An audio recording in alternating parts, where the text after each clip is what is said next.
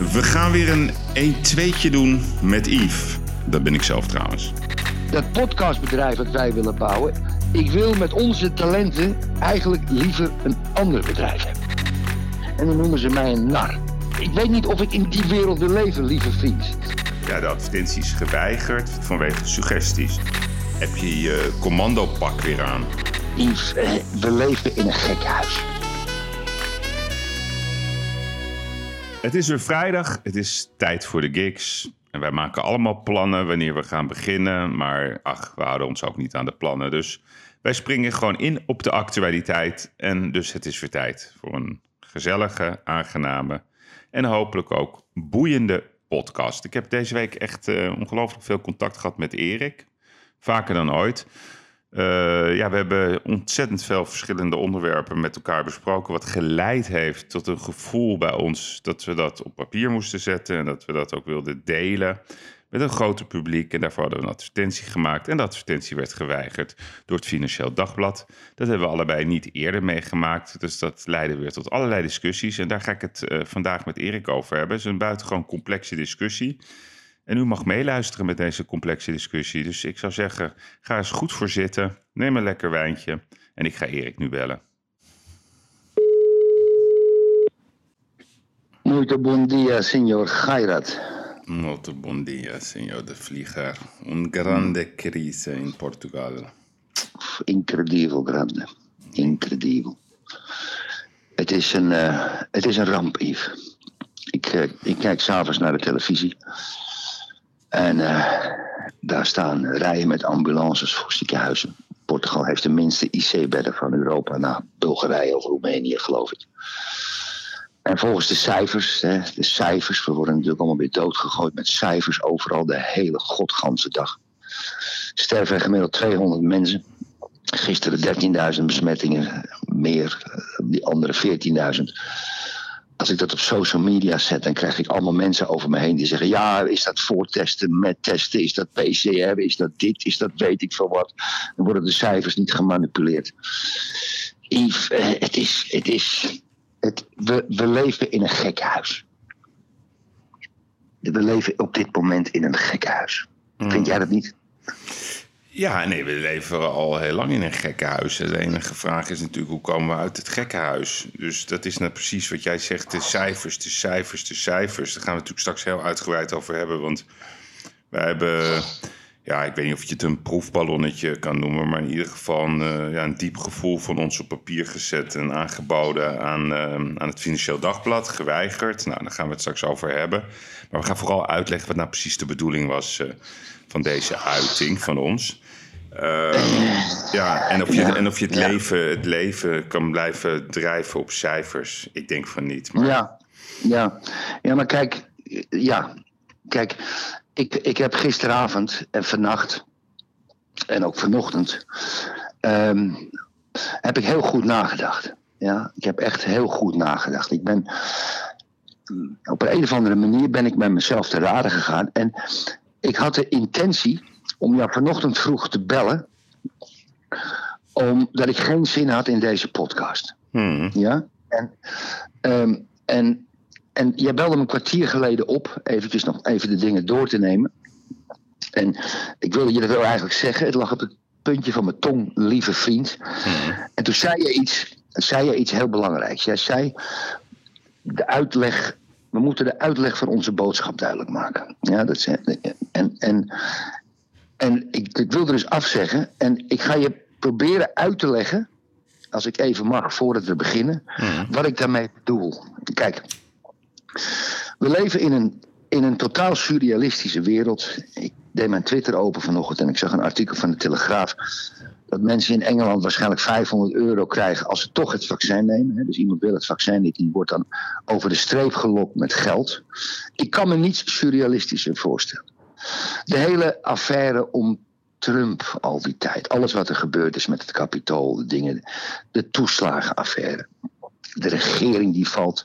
Rutte die dan gisteren zegt in de Kamer dat hij eigenlijk nu meer macht heeft, want hij kan niet meer weggestuurd worden de nou, problematiek dat was wel een grapje de, natuurlijk. De problematiek rondom de vaccins. Elke dag de praatprogramma. Elke dag het bombardement van het OMT. Van die mensen die worden, worden wereldsterren. En kijk, weet je. Ik, ik ben eigenlijk. Ik ben eigenlijk ik ben eigenlijk heel erg gelukkig hier, maar überhaupt. Ik ben heel, heel gelukkig. En wij, jongen, wij, wij met z'n tweeën, als wij met z'n tweeën praten, we maken geintjes. Hè. Maar we wakkeren indirect en direct ook heel veel onrust aan. Mhm. Onrust. Hè. Ik ben een onruststoker op social media, zeker. Neem, neem die advertentie. Hè. Die advertentie, daar gaan we het zo over hebben, die is geweigerd.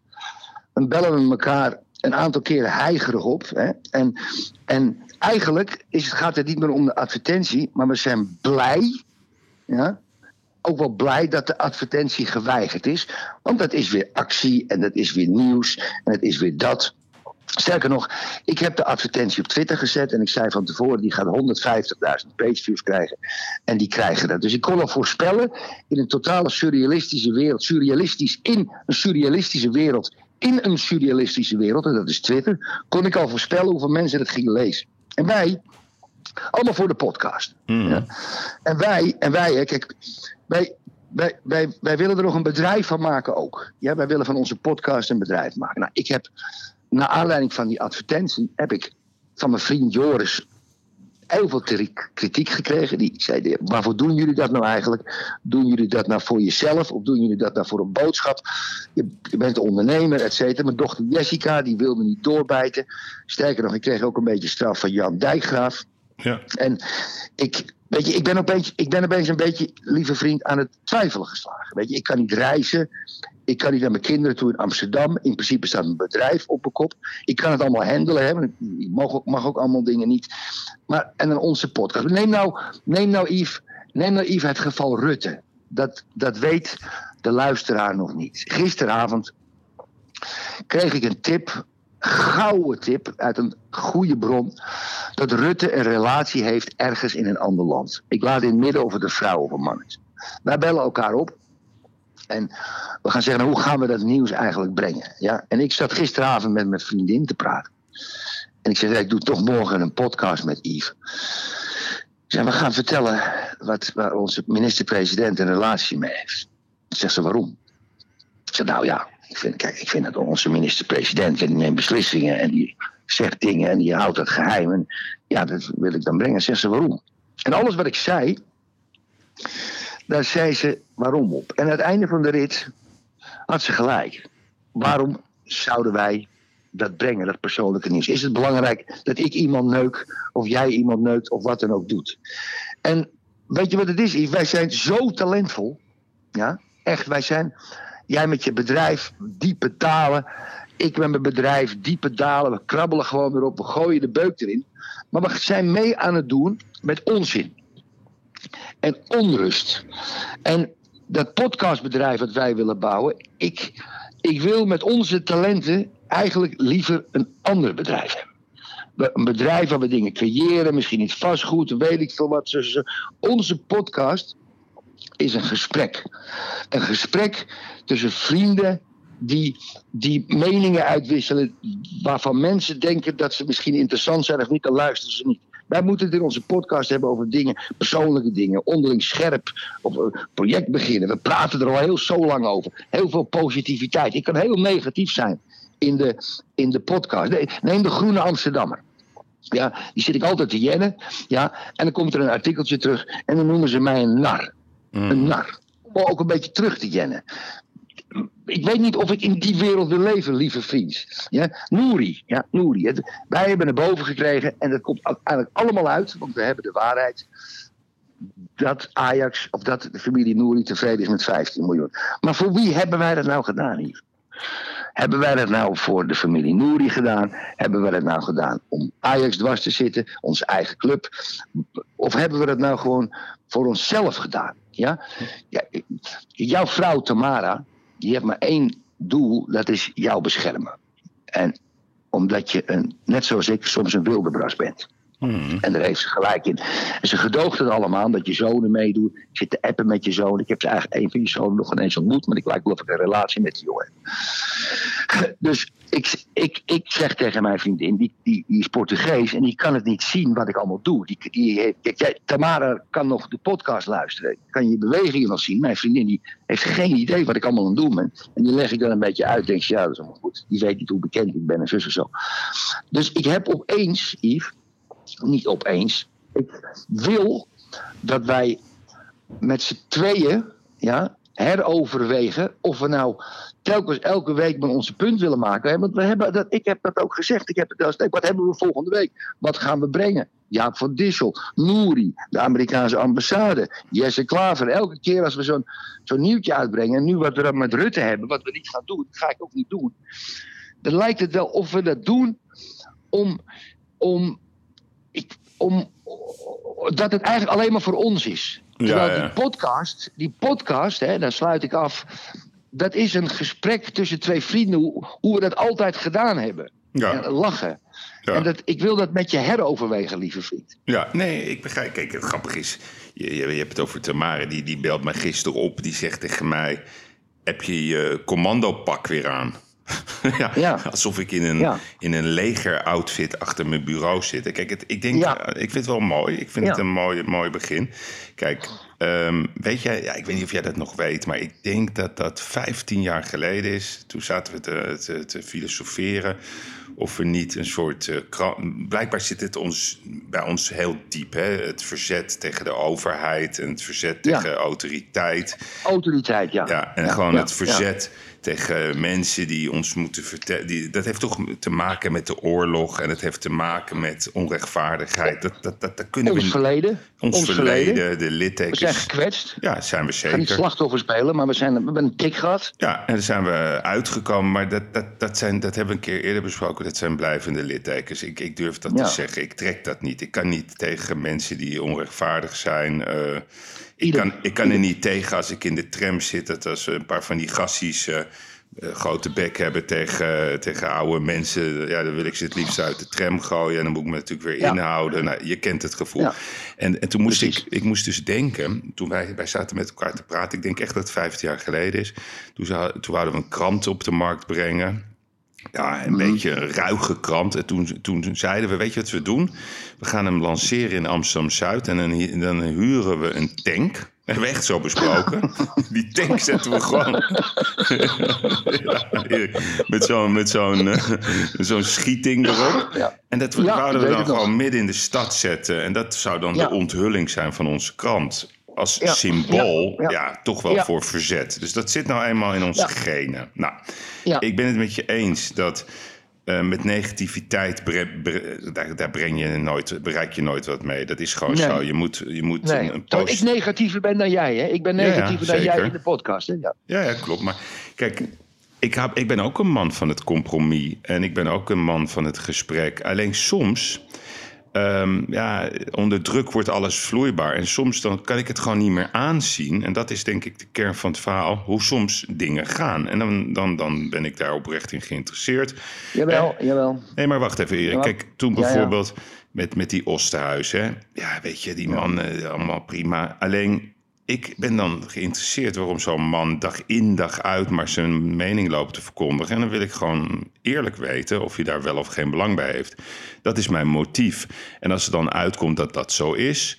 Nou, dan is dat prima. Maar dat geeft mij dan wel een naar gevoel dat iemand met twee petten daarop zijn eigen boodschap loopt te verkondigen. En die behoefte Ja, aan ja, maar ik- onafhankelijkheid, Erik, nee maar wacht. Die behoefte aan onafhankelijkheid, die is, die is gewoon heel groot. En, en normaal, kijk, zolang wij elkaar kennen, irriteren we ons aan wethouders, aan, aan de overheid. Nou, je moet ook afvragen, waarom doe je zo'n baan? Dat maakt allemaal niet uit. Alleen nu komt hij zo in ons gezicht. Want het is nog, ik heb het in ieder geval nog nooit meegemaakt. Dat zij bepalen of ik thuis eh, moet blijven zitten. Ik bedoel, eh, gisteren Ja, stond er op het RIVM hoe je moet Ja, gaan juichen. Erik, nee, maar hoe je moet gaan juichen. Ja, maar, even, ja, maar je moet wel even deze...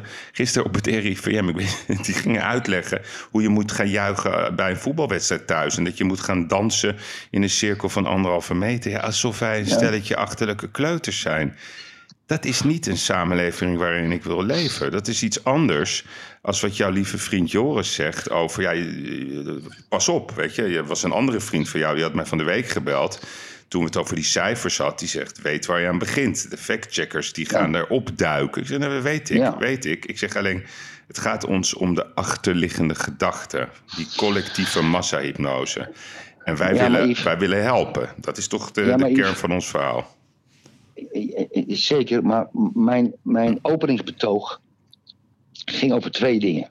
Ja, dat was binnen onze relatie het wezen waarom we de podcast doen. En ehm, we moeten, en dat, dat, dat, dat, daar moeten we misschien wel even een andere denkwijze doen.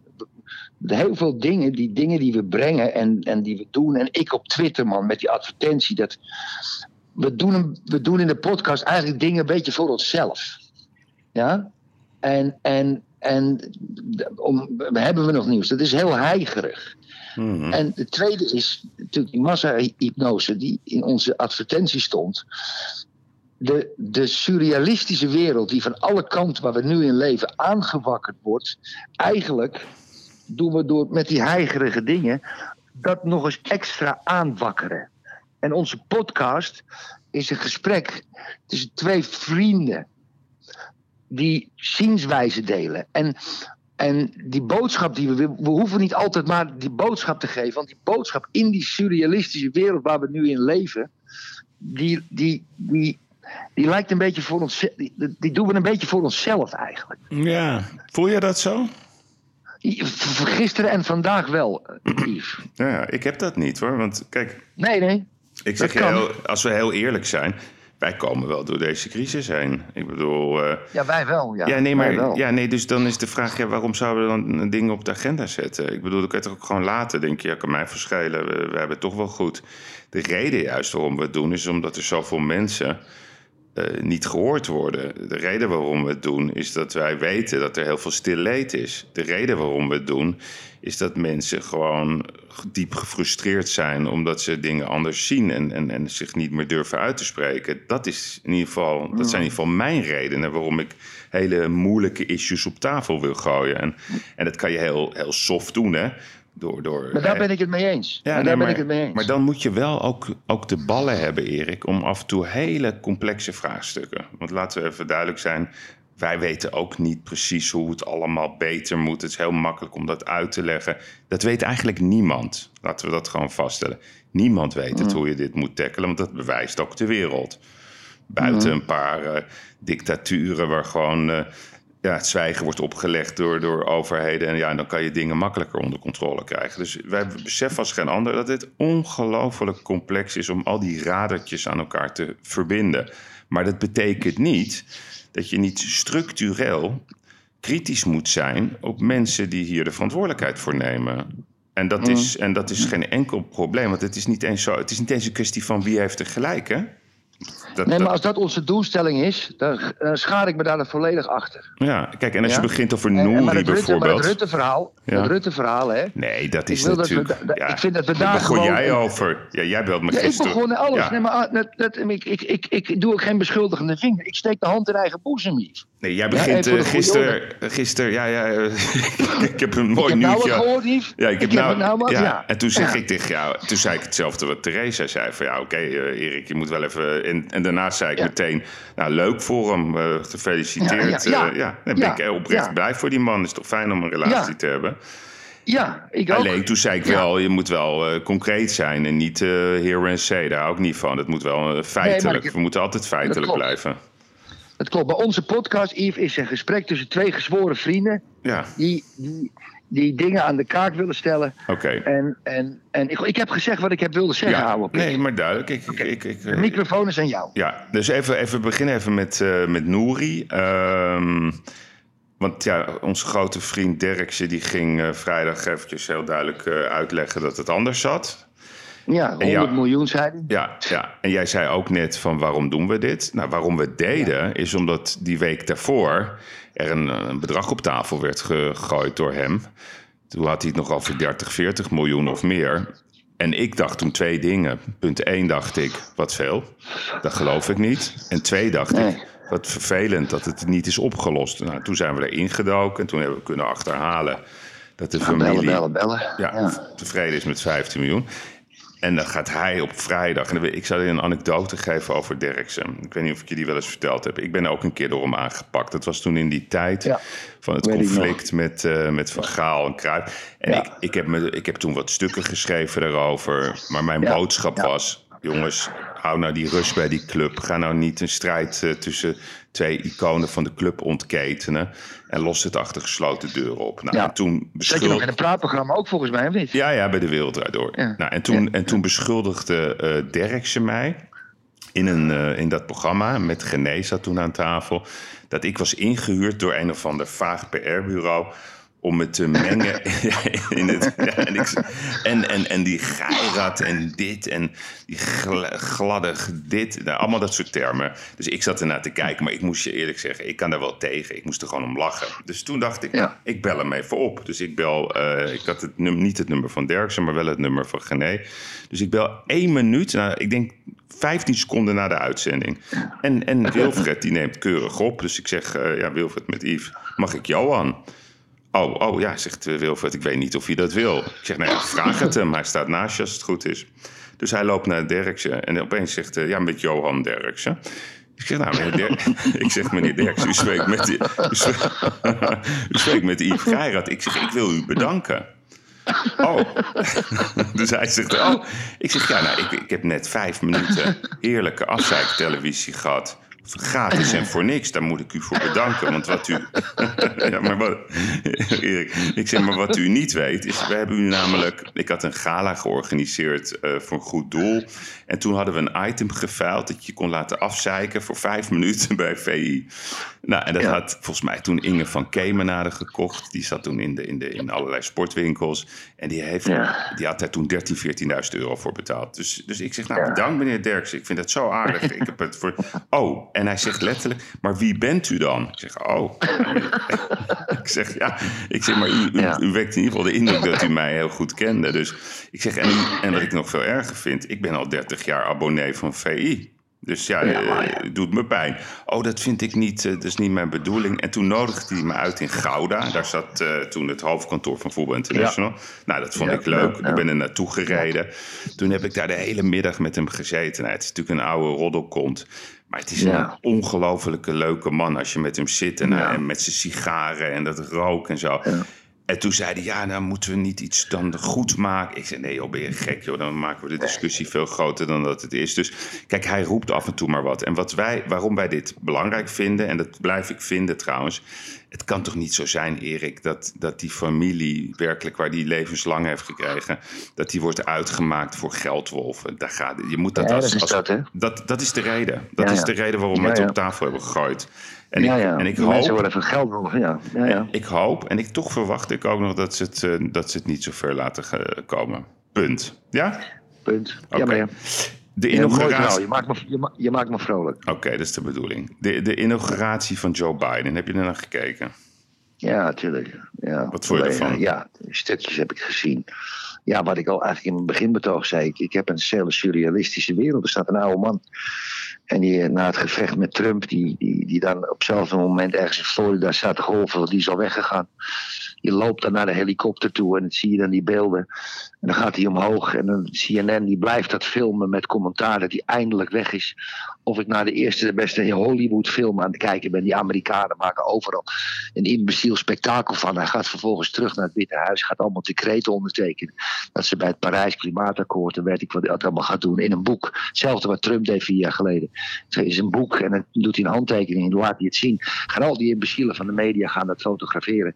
En, die, en het krijgen als een hapklare brok in onze huiskamer. Wij doen gewoon mee met al die, met al die onzin, Yves. Ik vond het één groot theater. Ik vind het hele Amerika één groot theater. Het is, het is verworden tot een soort Hollywood. Met allemaal idioten die eraan meedoen. De senatoren, republikeinen, de mediamensen. Verdienen allemaal half miljoen per jaar. Yves, het is een Tom, het was een Tom, het is, het is een Tom en Jerry eh, cartoon. Daar heb ik naar gekeken. Ja, ja. En, en de inhoud van wat hij zei? Yves, de inhoud heeft hij niet zelf geschreven. Dus Nee, een, een dat president en dingen. Ja. En, en die gaat met een mannetje, die gaat met een mannetje zitten. Het zijn tekstschrijvers. En die zegt, schrijf eens even een mooi verhaal. Dan gooi je de tien kernwoorden erin. Ja, en het dat leest hij dan even. Dat komt op die autocue. Dus doet, kijkt hij naar links, kijkt hij naar rechts. Ja. Dus op zo'n zo'n glazen plaat. Doet hij net of hij naar het volle kijkt. Maar hij kijkt naar 250.000 vlaggetjes die daar neergezet zijn. Ja, Yves, het is een surrealistische idiote wereld. En die gaat het dan voorlezen. En dan krijgen we in alle praatprogramma's van de hele wereld. krijgen we de analyse gedaan door een paar journalisten. die er ook nog voor betaald krijgen. Het is een, het is een systeem wat zichzelf in stand houdt. Hij begint gelijk een paar miljard dollar. een paar honderd miljard dollar uit te geven. Dat de staatsschuld van 2,7 triljoen oploopt. Waar ze het geld vandaan halen, weet ik niet. Yves, dat is een tijdbom. Ja, nee, maar wat... Dat is een tijdbom. ja, nee, en, en kijk, ik moet je zeggen, maar wat ik ook zo mooi vind, en dan dat het hele theater met die Jennifer Lopez en die sterren, die willen wel Ja. graag eh, en zich verbinden aan, aan, aan Biden en Lady Gaga, waar ik, ik ben grote fan Links is in, links is, links is in. Nou, links, is in. links, weet niet of het links, maar in ieder geval, wel. ik ben gek van die Lady Gaga, dus dat, dat, dat vind ik dan weer leuk eh, dat ze daaraan meedoet. Maar kijk, het grappige is, als je niet weet hoe het Ja, maar jij werkt... gaat mee in het theater. Jij Nee, gaat mee nee. in het theater. Hey, jij noemt het leuk. Ik noem het triest. Ik noem het triest. Erik, Sorry. je mag niet voor mij praten, dus ik... ja. Mag je wel, ik mag je wel in de reden vallen. Eh, op altijd, nou. altijd, iedere Ja, dag. Nee, maar wat, wat, wat grappig is, als je dit niet weet hoe het werkt. Dus ik zat met iemand te kijken die zegt: God, dat hij dat allemaal uit zijn hoofd doet. Zeg, wat knap. ja, maar dat beeld, weet je, dus de uitvoering, de uitvoering was goed. Ik vond Erik, hij maakte één fout, vond ik. Een hele, hele grote fout. En niemand heeft daar wat over gezegd. En ik ga daar wat over zeggen. Kijk.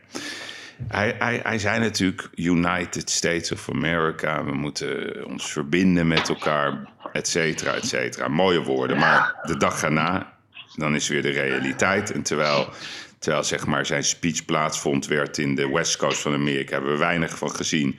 Werden straten weer gesloopt door een stelletje linkstuig in zwarte pakken... die met hamers winkels eh, door midden liep te hakken. Ja. Ja. Dat waren dan even niet de Trump-fans, maar dat waren, ik weet niet wat voor types dat zijn. Maar als krankzinnigen zijn ze door Detroit en eh, Sacramento, Portland, weet, weet ik veel, Oregon geloof ik ook nog. Als wilde beesten. Maar wat hij had moeten Ja. zeggen, Erik, dat had ik heel mannelijk gevonden. Hij had Trump moeten bedanken. Hij had, hem, hij had de naam Tuurlijk. Trump moeten noemen. Hij had, Ja. dan, was hij, dan had hij boven de partijen gestaan. Hij had moeten Tuurlijk. zeggen: I want Ja. to thank the president Donald Trump for four years of fantastic and terrible work. Hij had er een, zelfs een grap over moeten maken. Dan had hij het ijs gebroken. Ja, ja. Want het is, met een, het is een lege huls om te zeggen... we Ja, maar daar zijn ze te stom voor. Ja, daar daar zijn ze te stom voor. Ja, zijn ze te stom voor. Kijk, maar die gasten, hè, ik heb daar een tweet over gegeven. Die gasten die in de West Coast zo tekeer gingen van de zogenaamde Antifa. Dat zijn de duivendakjes. Dat zijn de duivendakjes. En die hebben we in Nederland ook gehad. En die over twintig jaar in een overhemd lopen met stropdas om. En dat werken ze bij de overheid. Dat is Mhm. allemaal hetzelfde type. En weet je wat me ook altijd zo irriteert van die speeches van die Amerikaanse president? Die zeggen allemaal God bless America. Hmm, Ja? Terwijl ze moeten zeggen God bless the world. ja. Waarom zou, God, waarom, zou, waarom zou God, mocht je erin geloven, ja, die zou denken, nou weet je wat, vandaag, ja, alleen maar Amerika. Nee, God bless the world. En dat zeggen ze allemaal, God bless America. Dat vind ik ook wel eens zo stom. Ja, nou ja. We hebben ernaar gekeken. En, en, en, er is een nieuwe man. En, die, en, en over een jaar wordt hij weer afgezeken. Want eh, dat is de cirkeldiscussie. hè. Je kan het toch nooit goed doen.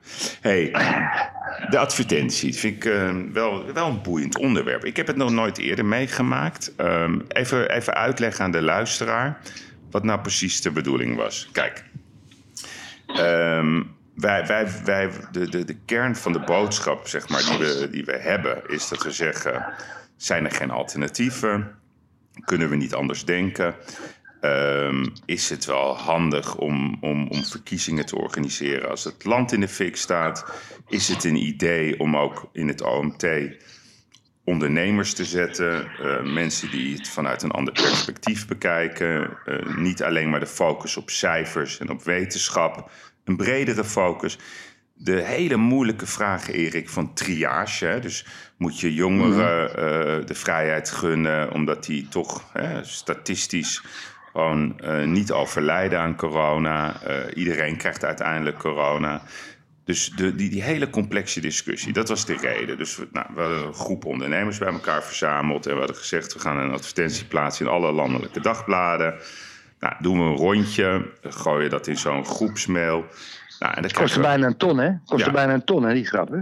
Ja, ja, en, en, en ik bedoel, dat is nog een sympathiek tarief dan ook. Hè? En dan vervolgens uh, zie je ook dat binnen die groep de ene vindt dit en de ander vindt dat. En toen zeiden wij, weet je, we doen het gewoon wel vanuit de naam van de podcast met z'n tweeën. Dan hoeven we ook niet te veel overleggen. En dan zijn wij maar het uh, schild. En dan mogen we ook klappen krijgen voor de boodschap. Geen en dan, probleem. En dan alleen in het Financieel Dagblad. Ja, dus dat was de conclusie. De nou, dus, dus ja, precies. We moeten, ook niet een, niet, we moeten ons niet groter voordoen dan dat we zijn. Nee, dat bedoel ik. Ja, precies. We zijn geen Jeff Bezos.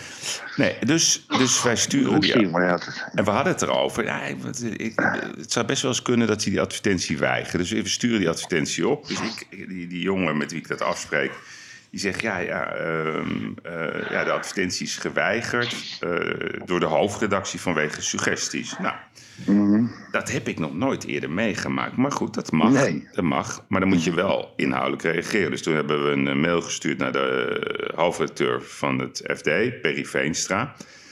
Kijk, en dan gaan er op Twitter, en daar wil ik wel iets over zeggen, gaan allemaal mensen zeggen: ja, dat is ons soort mensen en daar zitten weer allerlei complotten achter. Sorry hoor, maar dat is echt. MSM, Soros, Soros financiert Financieel nee, Dagblad. Ja, maar dat Wat ik allemaal gelezen heb, het is allemaal gelul. allemaal gelul. Dus, dus, heel, dus ik ga. Ik, FD is mijn favoriete krant. Ik vind dat een fantastische, inhoudelijk uitstekende krant.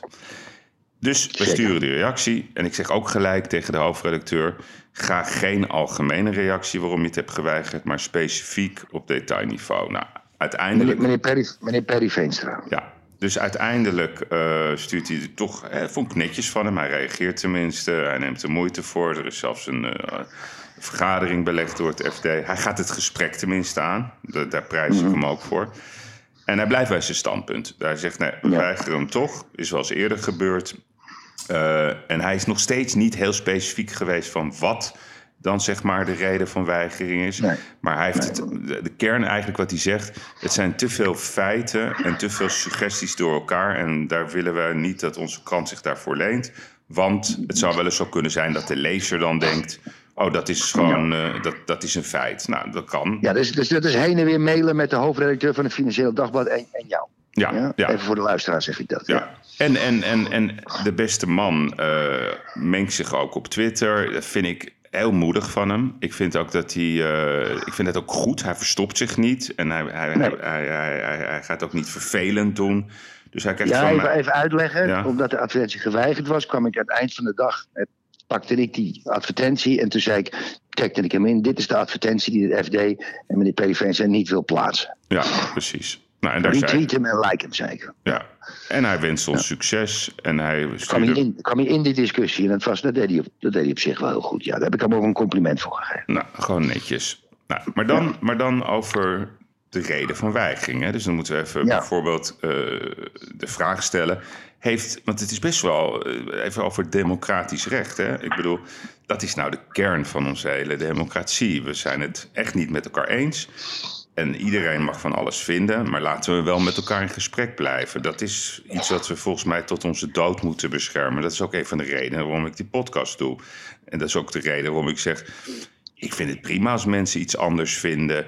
En, en als, als, als er op Twitter mensen zijn die tekeer gaan, vind ik ook allemaal prima. Weet je, dat, is toch oké? Voltaire, Voltaire. Voltaire. Voltaire, exact. Nou, dus toen dachten wij wel van, hé, hey, doen ze dit? Uh, hoe werkt dat dan? toen kwam jij met een advertentie uh, van de ambassadeur van China in het FD. ja. ja, dat vond, ja. Wat, wat, is dat dan? Ja, dat is gewoon een advertentie. Het Chinese volk praat tegen het Nederlandse volk. Een hele verhaal. Nog meer woorden dan onze advertentie bijna. En ja, ja, er is een andere mogen, een staatsmogelijkheid die ons uh, qua staatsbestel niet, niet echt, echt, echt vrolijk gezind is. Daar worden we niet vrolijk van die kochten een advertentie in het Financieel Dagblad. Dat, dat mocht blijkbaar wel, ja. Oké. Ja, Ja. nee, maar dat is toch apart? Maar wij niet. Twee Nee. Amsterdamse jongens willen advertentieplaatsen. Ja. Maar de Chinees, maar de Chine, Volksrepubliek China mag wel een advertentieplaats in ons financieel dagblad. Ja, als je, Yves, als je erover na gaat denken, je wordt gek. Ja, Je wordt gek.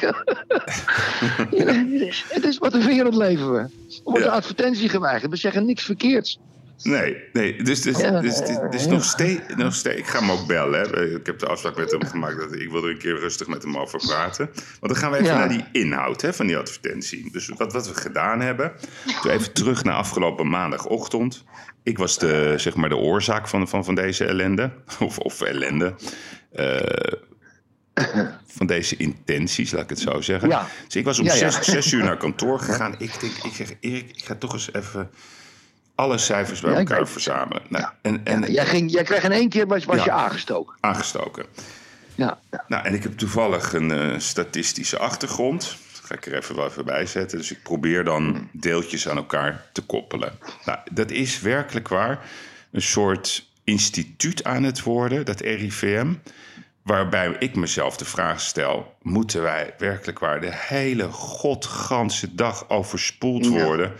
Met cijfers alsof het de AEX-index is? Hè? Dus sinds, Ja, sinds ja. maart, als ik in de auto zit, zoveel doden, zoveel besmettingen, dag in. Elk land, dag uit. Ja, maar kijk, ik ben natuurlijk, en, en jij ook, wij weten natuurlijk heel goed wat de, hoe, hoe het principe van communicatie werkt. Als je maar blijft herhalen en herhalen en herhalen, dan gaan mensen erin geloven. En dan, dan is de ruimte, zeg maar, in het hoofd, die is er gewoon niet meer om, om daaruit te stappen. Want je wordt zo gebrainwashed door die Ja. continue informatiestroom van het woord besmettingen, van het woord doden. En toen, toen, toen trok ik ook eh, met mijn vrouw dan hè, de vergelijking hè, dus, eh, van het AVL ziekenhuis. Nou, dus dat is het Antonie van Leeuwenhoek ziekenhuis. En ik heb je wel eens eerder verteld dat in onze familie, van, van, van, van de kant van mijn vrouw, daar zit een genetische probleem met, met kanker. Dus ik ben vaak daar geweest. Erik, dat is net Schiphol daar. Als je om negen uur daar komt aanrijden, de parkeergarage die staat zes verdiepingen hoog, helemaal vol. Het is niet normaal. Maar laten we dat dan zien in de afgelopen tien jaar, dag in dag uit. Zoveel mensen met kanker.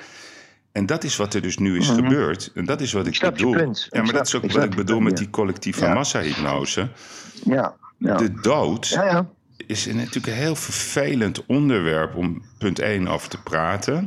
En aan de andere kant moeten de Over te mensen. denken. Over te denken also. Ja, over te denken, maar ook is dat de manier, dat is namelijk mijn vraag, is dat de manier om dag in dag uit, om de mensen daarmee te confronteren met als doel angst. En als je dan kijkt in historisch perspectief van het gevaar van angst zaaien, dat werkt altijd averechts. Want dan gaan we op zoek naar de, naar de schuldigen. We hebben de Tweede Wereldoorlog gezien en ik kan nog honderd jaren teruggaan.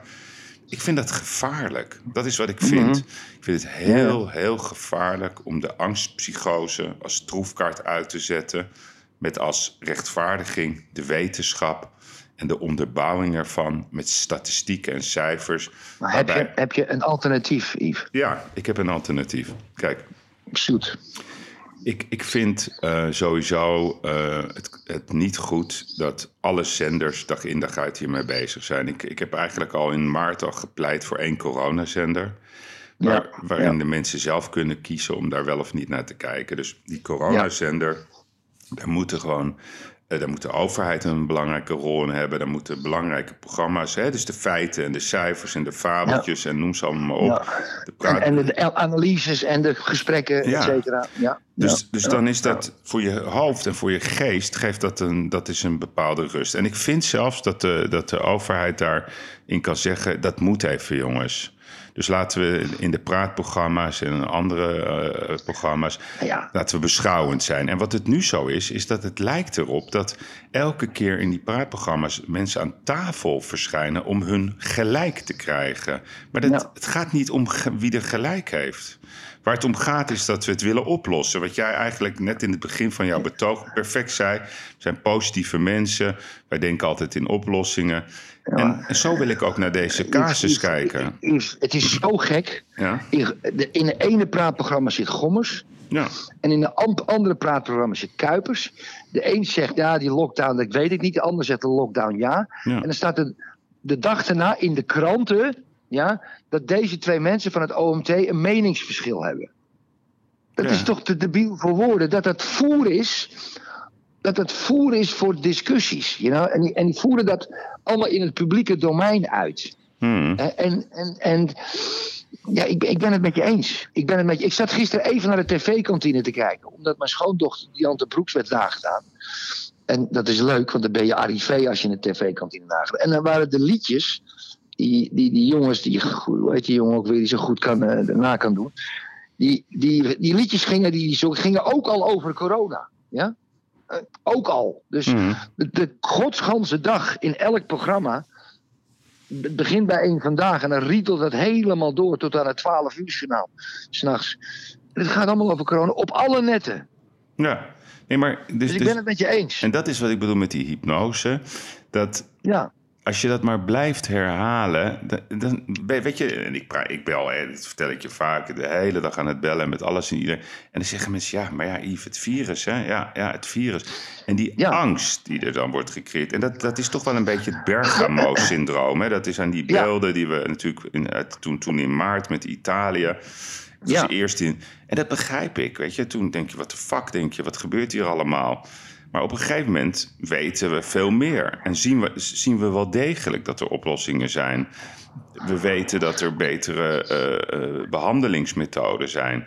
We weten, Ja. hè, ze zeggen dat Ja, er een, dat er een dat is vaccin dat. is.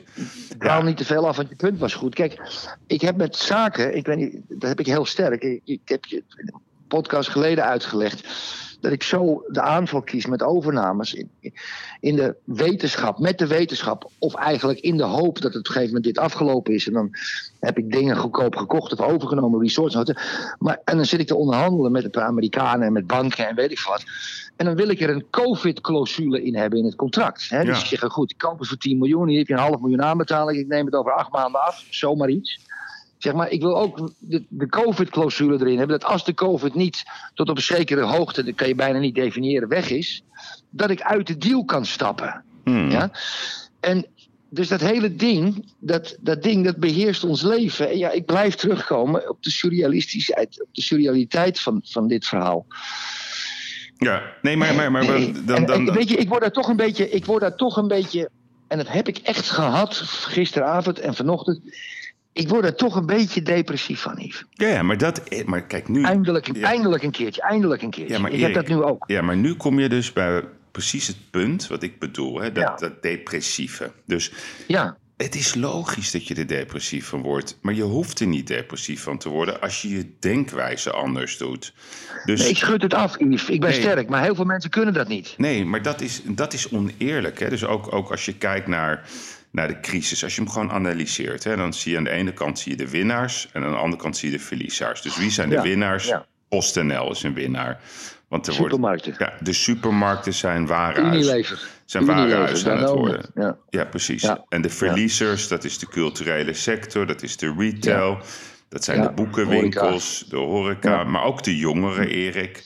En vooral, vooral, Ja. ehm, en dat, dat is ook wat we juist in dat stuk hebben gezet. Ik ga ze toch even noemen. 45.000 kappers die hun werk niet mogen doen. Ja, ja, 45.000, hè? Ja. Ja, 68.000 horecazaken die gesloten zijn. 86.000 winkels die op dit moment de deuren moeten sluiten. 650 theaters zijn dicht. 16.820 schoonheidssalons. Ja, Ja. mag gewoon nu. 290.000 studenten, Erik, mogen niet naar de universiteit. 1625 sportscholen zijn dicht. Terwijl sporten ongelooflijk belangrijk is voor de gezondheid Ja. vooral. 26.000 sportverenigingen hebben het moeilijk, hebben vraagstukken, kunnen we blijven bestaan. Anderhalf miljoen kinderen kunnen niet naar het lager onderwijs. 1385 boekwinkels zijn in paniek en zijn gewoon dicht. En dan 58 895 kermisexploitanten liggen onder het gras en hebben nog een beetje adem. En meer dan 100.000 mensen in de evenementenindustrie vrezen voor een baan, et cetera, et cetera. nu, nu doe jij wel hetzelfde met die cijfertjes, hè? Ja, maar ik, waarom? Omdat dit zijn wel feiten. Dus als je aan de ene kant, en dat is wat ik bedoel met de balansdiscussie.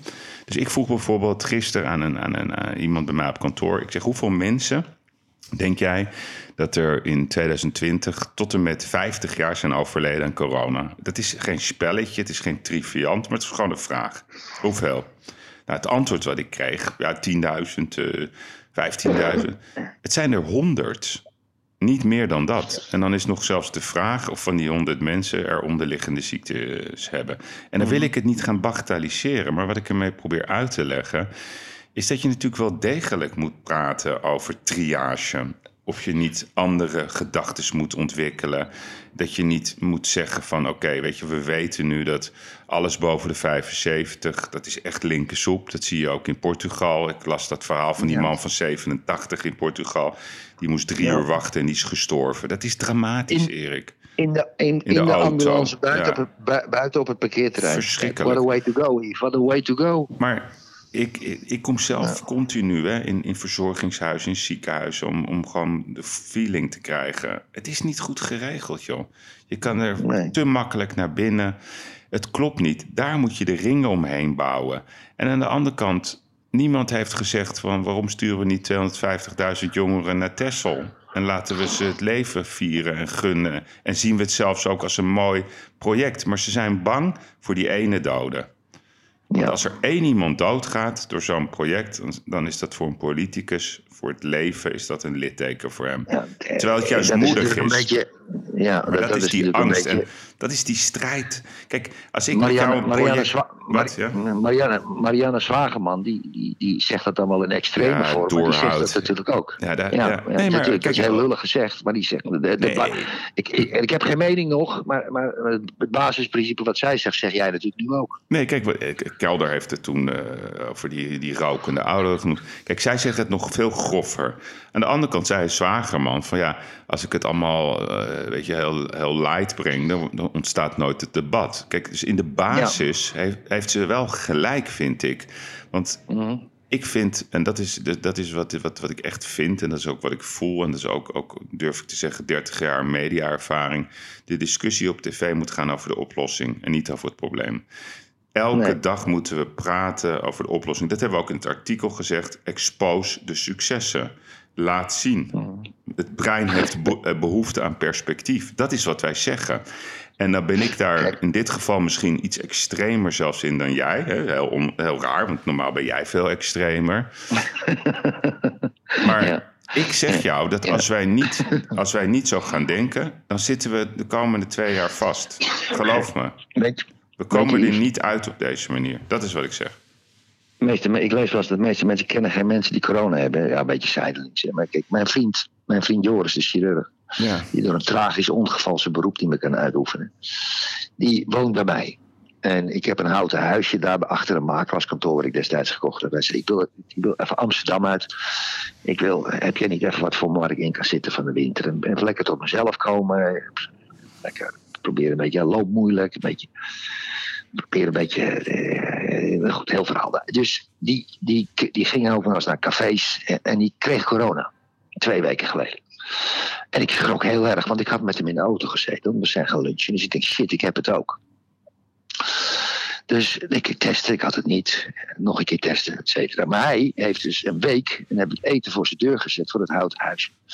Hebben we, hebben natuurlijk hebben verzorgd. Maar we konden een beetje een afstand communiceren. Maar die heeft toch twee nachten gehad. En dat is een jonge, sterke man. Jong, 45. Dus die heeft twee nachten gehad waarin hij me vertelde. Hij zei, Erik, ik, ik, ik, ik was echt bang dat ik ja, dat het, wat ik, zei, ik kreeg echt geen lucht. Ik, moest hoesten. En ik denk, jezus, als dit erger wordt. En ik kan natuurlijk hier niet naar de IC natuurlijk met die drama's die er allemaal zijn. Buitenlanden en weet ik veel wat. Dus het is. Het, het, de meeste, het meeste wat er is, is angst. Ja, ik heb ook angst gehad dat ik het had. Ja. Ik ben ouder dan hij. En, uh, maar, weet je, maar weet je wat ik zo grappig vind? De angst. Ja, maar Erik, en ik snap het namelijk echt niet. Hè? Ik hoorde net weer het aanstekertje aangaan bij jou. En we bellen vaak met FaceTime en dan zit je altijd te roken. Nou, ik rook ook eh, veel te veel. Waarom heb je daar dan niet de angst voor? Heb ik ook. Daar kan je kanker van krijgen. Ja, dat heb ik ook. Het gaat in je longen zitten en dan. Ja, en dat, heb ik ook. Maar waarom doe je het dan wel? Omdat ik verslaafd ben. Ja, en, en ik, heb waar- een tijdje, ik heb een hele lange tijd niet gerookt, nu rook ik weer. Er komt een tijd dat ik daarmee stop. Dat moet, dat moet gewoon. Ja, dat klaar. Ja, maar Ja, dat dat, kun- dat, dat- ga ik ook gewoon doen. Maar dat, dat is, dat is de, dan, dan komen we op een discussie van de gemeenheid van de sigarettenindustrie. Nee, Dat zouden, ook de zouden, ja, dat, dat zijn echt moordenaars. Dus, we zijn zou- moordenaars. Ja, ja. ja, echt. Ik bedoel, Ik, ben- ik, heb heb dat- een heel sterk karakter, maar ik kan niet van een sigaret afblijven op dit nee, moment. omdat Hallo? dat- dat- dat zijn- En ik, ben, ik, ik dacht dat ik sterk was. Ik verzet bergen. Ik, Ja. Als ik met banken moet onderhandelen, ik heb een team delegatie, ik lul ze onder de tafel. Ja, Ja, wat moet je nou? En ik krijg mijn zin. maar van de sigaret, maar van de sigaret kan je Maar niet winnen. Is een kutsigaretje, dat, dat kan je dan niet winnen op dat moment. Ja, dat is een mindset. Ja, mindset. Ja, is een exact. mindset. Kijk, Ja, dat is een mindset. De mensen, sommige mensen hebben dat met gokken, andere mensen Ja. hebben dat met alcohol Ja. en andere mensen hebben dat weer met drugs. ja, klopt. Ja, zeg je, maar waarom gebruik je drugs? Zeg je dan, ja, eh, ik kan er niet vanaf blijven. Ze Nee. hebben altijd een andere reden, want ze liegen altijd. Maar alles is een mindset. Dus dat, dat, daarom ga ik weer terug aan het mooie betoog waar je mee begon. Kijk, tuurlijk praten wij liever over mooie dingen. En is, een beetje, Erik, ik heb eh, dit bedrijf overgenomen. Of ja, we, hebben de, we willen samen heel graag eh, zo'n resort doen in Portugal. Ja, dat gaan we ook doen. Dat gaan we ook doen. En vinden we, ik Ja, vind het dus heel leuk om, om dat een beetje een Nederlands tintje te geven. Ik vind dat het leuk. Ik, ik, ik, ik zeg je heel eerlijk, ik vind het buitenland vind ik altijd gezellig met Nederlanders. Samen voetbal kijken, een beetje ouwe hoeren. Eh. Ook een beetje eh, broodje kroket erbij, noem het allemaal op. Dus zoiets wil ik daar gaan doen en dan op een mooie manier. Nou, dat, dat, dat gaan we gewoon doen.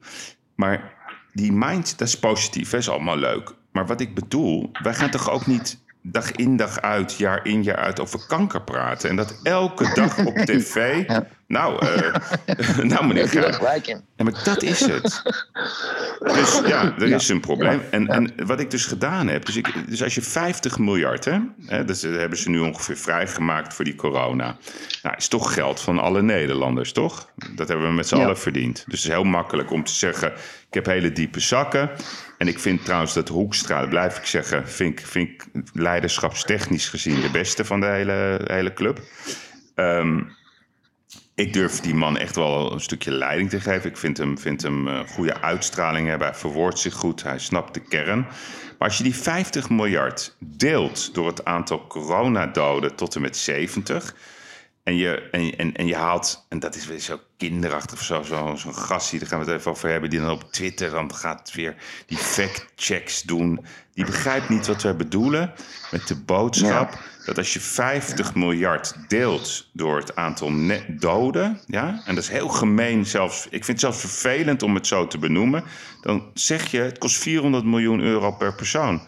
Want dat zijn Boven, de, boven die leeftijd, hè? Boven die bepaalde tot, tot die leeftijd. Dus tot de Ja, 70. ja, Ja, ja, ja, Dus- tot die leeftijd, Ja, dat is best veel geld. En als je dan zegt, oké, Mhm. Eh, die, die besmetting die dan onduidelijk is. Hè, dus dat je zegt, oké, het is gewoon echt door corona gekomen. Er hingen geen ziektes eronder. Dus dan maak je het getal Nee, 100%. Dan is het nog steeds 40 miljoen euro per persoon. Jawel, maar goed, Ivo, als jij 400 miljoen op je rekening hebt en die gaat dood. Iemand zegt tegen je, ik wil je 400 miljoen hebben, ik geef je nog 10 jaar, geef je ze zo weg hoor, die 400 Ja, miljoen. ja, maar wat ik mee bedoel is, kijk, we weten dat we te weinig IC-bedden hebben. Portugal ook. Koop IC-bedden erbij. We weten dat we te weinig bedden hebben.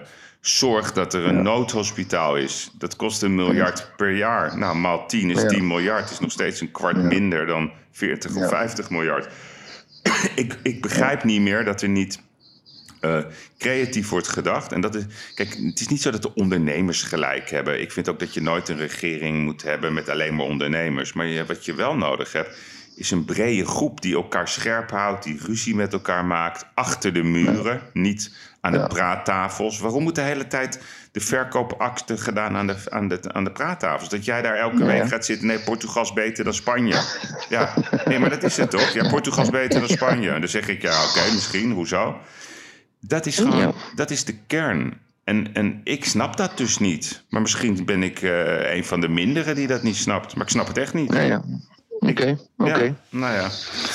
Goed, Mag ik een onderwerpje tussendoor schuiven? Ja, ik wil eerst eh, bewaar hem even. Ik wil het nog even hebben over. Is de Rabobank. Ja, want we gaan straks toch met die podcast. Hè, we weigeren tot nu toe alle sponsors. Trouwens, even een opmerking voor de luisteraars. Er zijn mensen, veel mensen die luisteren via YouTube. Eh, en daar, daar schijnt steeds reclame tussen te komen. Maar daar hebben wij helemaal geen reet mee te maken. Dus, dus eh, mensen. Krijgen we daar geen poen over dan? Ik geloof dat je daar 100 euro of zo voor krijgt. Het stelt, eh, je moet dan op een knop drukken. Maar de mensen die op YouTube zitten, je kan gewoon via de podcast gewoon luisteren. Eh. En dan eh, heb je geen reclame. Dus het is, het is, niet, ons, het is niet onze call. Dus dat Nee. Dus En, die, gasten van YouTube die gebruiken ons om, om een, om een, om een advertentietje te tuurlijk, ja. ja YouTube. Jezus mine, ik ben gek van die Amerikanen. Ik ook, ik ook. Maar die, die- Rabobank, hè? Dus, eh, want wij gaan natuurlijk een keertje met sponsors toch wel op onze manier daarmee werken. Maar is de Rabobank Rabobank nog een steeds is kutbank, hè? Is kutbank, altijd al geweest. Ja, ik zou je vertellen. Ik heb de Financieel Dagblad voor me liggen. Weet je wel, die, die krant ken je toch wel? ja, maar Erik. Grappig, die is grappig. Ja. maar Perry. voorpagina, ja, Perry, ja nee. Banken Ja. draaien duimschroeven bij MKB aan. Nou, en Ja, Dus wat, wat ze dus nu doen, het zijn ook echte boeven. hè. Dus, ehm, zijn breed. Net als de toeslagenaffaire, joh. zelfde Ja. mentaliteit. dus, al die dus er is één horecaondernemer die durft dan bij naam te zeggen... ja, weet je, we worden nu de duimschroeven aangedraaid. Ze worden dan allemaal overgegeven aan intensief beheer. Heb jij er ook wel eens bij gezeten trouwens, bij Bijzonder Beheer? Nou, nee. Niet wel ik weet, maar ik, ik, kwam- Nee? ik, kwam toen, ik, kwam toen, ik kwam toen in de problemen. Eh, publiciteitstechnisch. En daar gingen ze bij mij over bakkeleien. Ze Ah. ja, klanten, dat is, ik weet niet dat bijzonder is. Dan krijg je van die imbecielen tegenover je. Die zegt, zei dat je op moest. Moest ik ook de hypotheek van mijn huis aflossen? Ja, ja, nee. In Amsterdam. dat is een En ik heb 30 vreed, dagen om dat te doen. Anders Maar, eerlijk, zeg, ik zeg, man, ik woon hier met mijn kinderen imbeciel. Ja, weet je, ik ben, ik ben er keihard in geweest. Nee, die, die, die jonge gastjes die zijn echt die zijn ver. Maar ik heb zelf een keertje met een bedrijf dat ik had, zat ik bij, ehm, ik ga zijn naam zelfs noemen, Johannes. Nee, ga ik niet noemen. Maar in ieder geval, Nee, doe maar niet. nee, nee, nee ga ik niet doen. Maar die man, die man was fantastisch. Een vaderachtige figuur. En, en die was eigenlijk heel slim. Die zei, nee, maar dit doe je niet handig, dit. Dus dat was een fijne man. Maar over het algemeen bij bijzonder beheer, daar zitten rigoureuze types. Ja, die dan eh, onder hetzelfde gedachte van toe, ja, we volgen de wet, weet je, we houden ons aan de regels. Ja, ja. Echt Ja, ja, daar heeft hij voor getekend. Je moet Maar weet je wat, 20 pagina's met allemaal lettertjes tekenen. Maar wat ze letterlijk zeggen, hè, en dat vond ik toch wel interessant aan het artikel. Ik begrijp de irritatie bij de ondernemers.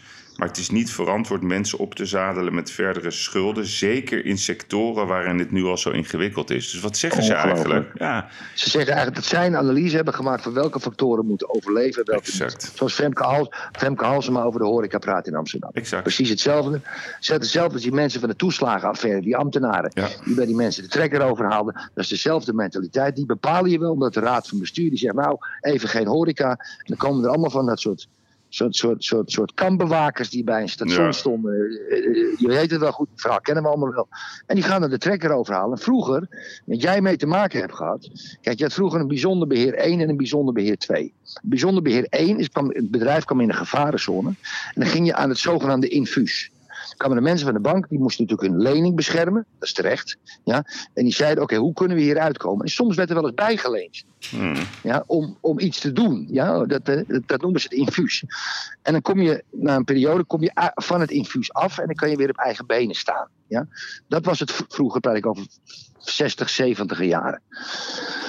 En, eh, maar als je dat niet redde, dan ging je naar bijzonder beheer 2 en dat waren de grootste slopers die er is. Die executeerden. Die legden Hmm. beslag, et cetera, et cetera. Dat zijn, die, dat zijn die harde mensen. Dat is ook een beroep. Die Rijkman Groening, CEO was van ABN AMRO, die kwam daar vandaan. En dat is een karaktertrek als je daar werkt. Je komt bij een bedrijf en dan sloop je en je gaat alle assets verkopen en veilen. Je pakt iemand die privé getekend heeft, ook zijn huis af. Ja, dat is een, die mensen die daar werken, en misschien moeten ze er ook wel zijn, anders wordt het natuurlijk een zootje. Ja, eh, die moeten een bepaald karakter hebben. Rijkman Groening heeft dat. Dan heb je een meedogenloos karakter. Ja, maar dat is... s'avonds, hè? Ja, maar die dit is gewoon een karakter. Die worden geselecteerd op een karakter. Maar die gozer, die Rijkman Groening, die had, die had, ik weet niet meer, die had ook weer iets gehad, 25 miljoen eh, meegepakt. Er zitten weer allerlei commissies. Wat, had hij, wat, was ook, Ja. wat werd hem ook weer verweten? Ik ben het vergeten. We weten, ja, met die Fortis, hè? Dat Oh, met die allemaal, Fortis. Oh, ja. dat Ja. 75 miljoen, Hey, wat er allemaal Erik, gebeurde. Ja, je had nog een punt. worden. Jij zei dat je, ik wou nog iets zeggen. nou ja, ehm, ik ben onder de indruk van wat er gebeurd is met Abdelkader Be- Benali. Hmm. Ja, dat is de, die, die Marokkaanse schrijver. Ja. Begenadigd schrijver trouwens, ik ken hem persoonlijk. Ja. Ehm, en die, eh, die was door eh, het comité 4 mei-viering eh, aangewezen ehm, als de opvolger van Arno Groenberg om de speech te houden op 4 mei. Mm. Maar die had 15 jaar geleden in een interview HP de Tijd iets over Joden gezegd. Joden, het zijn zoveel Joden in Amsterdam-Zuid. En hij had, hij ook heel veel kritiek op Israël gehad. net- net zoals die Greta Duisenberg, die zei dat ook. Ja, maar hij, hij heeft het veel mindere vorm. Ja, Ja. veel minder, veel Ja. minder, voor- veel minder. Ja, en het, het interview was HP de Tijd, kwam Harold Dormos mee. En toen kwam er een ongelofelijke beweging op gang. Ehm, ehm, ehm, eh, dat hij er nu van afgezien heeft, omdat ja, er werd jodenhater genoemd. De, de, de, de Joodse instanties gingen schrijven, et cetera. Esther Voet, eh, joods.nl. Hij moest weg. Er was een klap in het gezicht voor de, voor de holocaust. Overleveraars en hun kinderen. En eh, ja, die is zo op social media aangepakt. Het is misschien natuurlijk wel een fout om die jongen aan te stellen. Maar ja, ik wil toch een klein beetje een lans voor hem breken. Kijk, weet je, we, we zeggen allemaal de meest domme dingen in het verleden. Dat achtervolgt ons ook wel eens. Ja, en kijk, hij heeft niet echt hele harde dingen gezegd. Maar alleen, ja, als je over beginnen Joden in Amsterdam-Zuid. Ze hadden het niet moeten doen. Maar ik had gevonden ik had het liefst gehad, ik had het persoonlijk had het liefst gehad dat hij gewoon op 4 mei sprak. En in zijn speech refereerde aan hetgeen wat hij gezegd heeft. Ja, Hij zegt, zelfs ik, ja, zelfs ik heb dingen gezegd waarbij ik dat toen niet als racistisch ervaarde, maar nu wel. Ja? ja, Dus wat zijn boodschap zou moeten zijn, zeg oh, ook ik heb die fout gemaakt. ja. En wat ik hier kom zeggen, om, in al onze herinneringen, niet alleen van 75 jaar geleden, maar in mijn geval 15 jaar geleden, dat je ook tot een andere zienswijze kan komen, dat we dichter tot elkaar moeten komen. Dus ik vind het een gemiste kans, net zoals jij met Biden, dat hij Trump niet heeft genoemd een gemiste kans vindt, vind ik het een gemiste kans dat, oh, dat het 4 mei-comité erover had moeten stappen. Dit wil zeggen, benalen, je moet toch spreken. Ja, Ja? ja, ik En vind, eh, nee, maar Erik, duidelijk. Ehm, ik, ik, ga, ik ben het met je eens. Ik vind namelijk, eh, ik, ik ben heel erg van het motto dat als je, je moet kunnen vergeven, want als je bereid Ja. bent om te vergeven, dan kan je ook samen groeien. Eh, het ligt natuurlijk altijd aan hè, wat de fout is. Hè, de, Tuurlijk, die, die tuurlijk. mensen. Hij heeft heel duidelijk zijn excuses aangeboden. Hij heeft ook gezegd dat hij een dronken bui had. Eh, soms Ja, is het ook nog ja. een kwestie van, van stoer doen. Eh, Ja. Ik vind hem ook een, een, een fantastische schrijver. Die jongen heeft een gouden pen. En het is juist essentieel. En dan kom ik even weer aan het begin van hè, toen jij verrassend zeg maar deze podcast vandaag begon. Mhm. Ja, we moeten ook wat, wat, wat, wat aardiger in het leven staan met elkaar. En, en we, moeten, we mogen best kritisch op elkaar zijn. Maar je moet dat niet dan voor eeuwig zo... eh, Weet je, die woede ook. Hè? Dus, eh, Och, ik zeg- Yves, nee, maar Yves, het is ook ik, zo ik zet op Twitter. Ik zet op Twitter. Ik zet Jij op kan toch Twitter ook alleen ruzie maar, maken met iemand en daarna de kroeg met hem induiken? Tuurlijk, maar ik Ja. schreef op Twitter. Ik schreef op Twitter. Ik, vind, ik ken Abdul Kader Badali persoonlijk en ik vind het een fijn mens. Het is het enige wat ik schreef. Ah, mooi. Yves, Ja, de shit die ik over. Ja, ja, Yves, ja, Yves, ja. racistische shit over Marokkanen. Ik heb mensen, ik heb ook hele goede discussies gehad hoor. Er zijn hele fijne twitteraars waarbij ik die hele juiste dingen zeiden. Laat ik dan niet. Maar er waren er een paar bij, jongen. Over kut Marokkanen en weet ik veel Nee, wat maar- ze allemaal zijn. ik, dat denk, is- ik werd er misselijk van. maar dat Ik vind ik werd er misselijk van. Ja, het, ik vind het ook zin. Maar daar moeten we Dat vanaf. wilde ik, Nee, ja, dat wilde ik even zeggen. Dat wilde ik Nee, even maar zeggen. dat, daar ben ik het helemaal met je, met Ja, je eens. ja, Hey, even ja. trouwens over, ehm, heel leuk, ehm, toen ik net hier naar boven liep, kwam net eh, de zelfreflectiespiegel binnen. Daar hebben we toch een, eh, beloofd, hè? Ja, ja. Maar Erik, dat- die is mooi geworden. Die is zo mooi. Dus, dus we gaan dat eh, de komende week, ergens op een dag gaan we dat aan Sander overhandigen. Ah, wat geweldig. Het is mooi geworden. Leuk. Ik ga een foto maken en dan kan je hem delen. Ja, ja tuurlijk. tuurlijk. ik, ik heb hier ook het officiële juryrapport. Het is leuk. Hier. Wat leuk is. Maar Sander Schimmelpenninck, ah, ga je naar hem toe dan? Of ga je een afspraak maken? Nee, ja, hij krijgt het overal. Maar er staat al voor de gigs staan de winnaars van de wekelijkse Manolef Award symbool voor een combinatie van knulligheid, gebrek aan zelfreflectie, persoonlijk talent in combinatie met subjectief denken. De winnaar van de, jaar, de winnaar van de jaarlijkse Manolef Award is, volgens de jury, is, is er volgens de jury het beste in geslaagd om op één moment maximaal uit te blinken op de geselecteerde criteria. De Manolef Award, de Manolef Award is een aanmoedigingsprijs voor publieke figuren tot autonoom denken, maximale zelfreflectie En persoonlijke ontwikkeling. Nou, dus ja, het is echt mooi Geweldig. geworden. Dus we gaan hem dat geven met een mooie pen erbij. En eh, hij mag zelf Ja, kiezen, kiezen hoe hij ermee omgaat. Ik had ook Thomas Ja. nog eh, gisteren allemaal eh, op de app. Want ik Thomas Akda. Ja, ja, waar blijft het liedje? Maar hij is zijn huis aan het Ja. verkopen. Dus dat gaat even voor. Kost het? Wat kost het? Heb je gevraagd wat het kost? Waar is het? Het is, is het handel. Ja, het is handel. joh. Het is het, volgens mij Ja. het oude huis van Katje Schuur. Maar die jongen die weet helemaal niet volgens mij hoe hij zo'n huis moet verkopen. Hij heeft een gouden plek Oh. daar in de gracht. Ik, ik, kan Ja, hem mij- ik stuur wel even moet je mij overlaten. Ja, vind moet ik je aan mij ook. overlaten. Ja. Moet je aan mij overlaten. Yves, even over Sander Schimmelpenning. Ja. Je vindt, kan je dat niet persoonlijk doen? Een afspraak maken en een fotootje. En dan gelijk vragen, gelijk vragen of hij mij wil ontblokken op Twitter.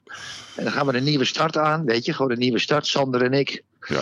En, eh, en, Maar je eh, bent wel, ja, eh, je bent echt, je bent helemaal van, Nee, nee. van, van- je bent de hele stemming nee. vandaag, joh. Vrede, de, de vredestrijder, Erik, mooi. Nee, nee, nee, nee, nee. Ik vind, weet je wat ik wel vind? Dat dit een van de, onze beste podcasts is ooit. Oh ja, echt? Oké. Ja. Ja. Mooi. Ja. Ik heb Ja. nog een, eh, Ja. een kijkerstip. Dat voel ik tenminste. Oh, Ja, dit is een oude tip, maar ik, ik zit er zelf... Ik ben naar die serie aan het kijken, Klem, met ehm, Barry Asma. hoe schrijf je dat? Klem, K-L-E-M. Ja? Die is op de Ja. NPO al een paar keer uitgezonden en zo. Maar ik zit hem nu in één rit te bekijken. goed? Zo, die is goed, jongen. Hoeveel Ja, seizoenen zijn dat? Drie. Eh, ik heb twee seizoenen gekeken. Het is geweldig. Het gaat dus over een, eh, een, eh, een directeur van de Belastingdienst. En Oh, die, Jezus. Ja, ja en, en, zijn, en zijn kinderen die zitten eh, op dezelfde school als die van een crimineel.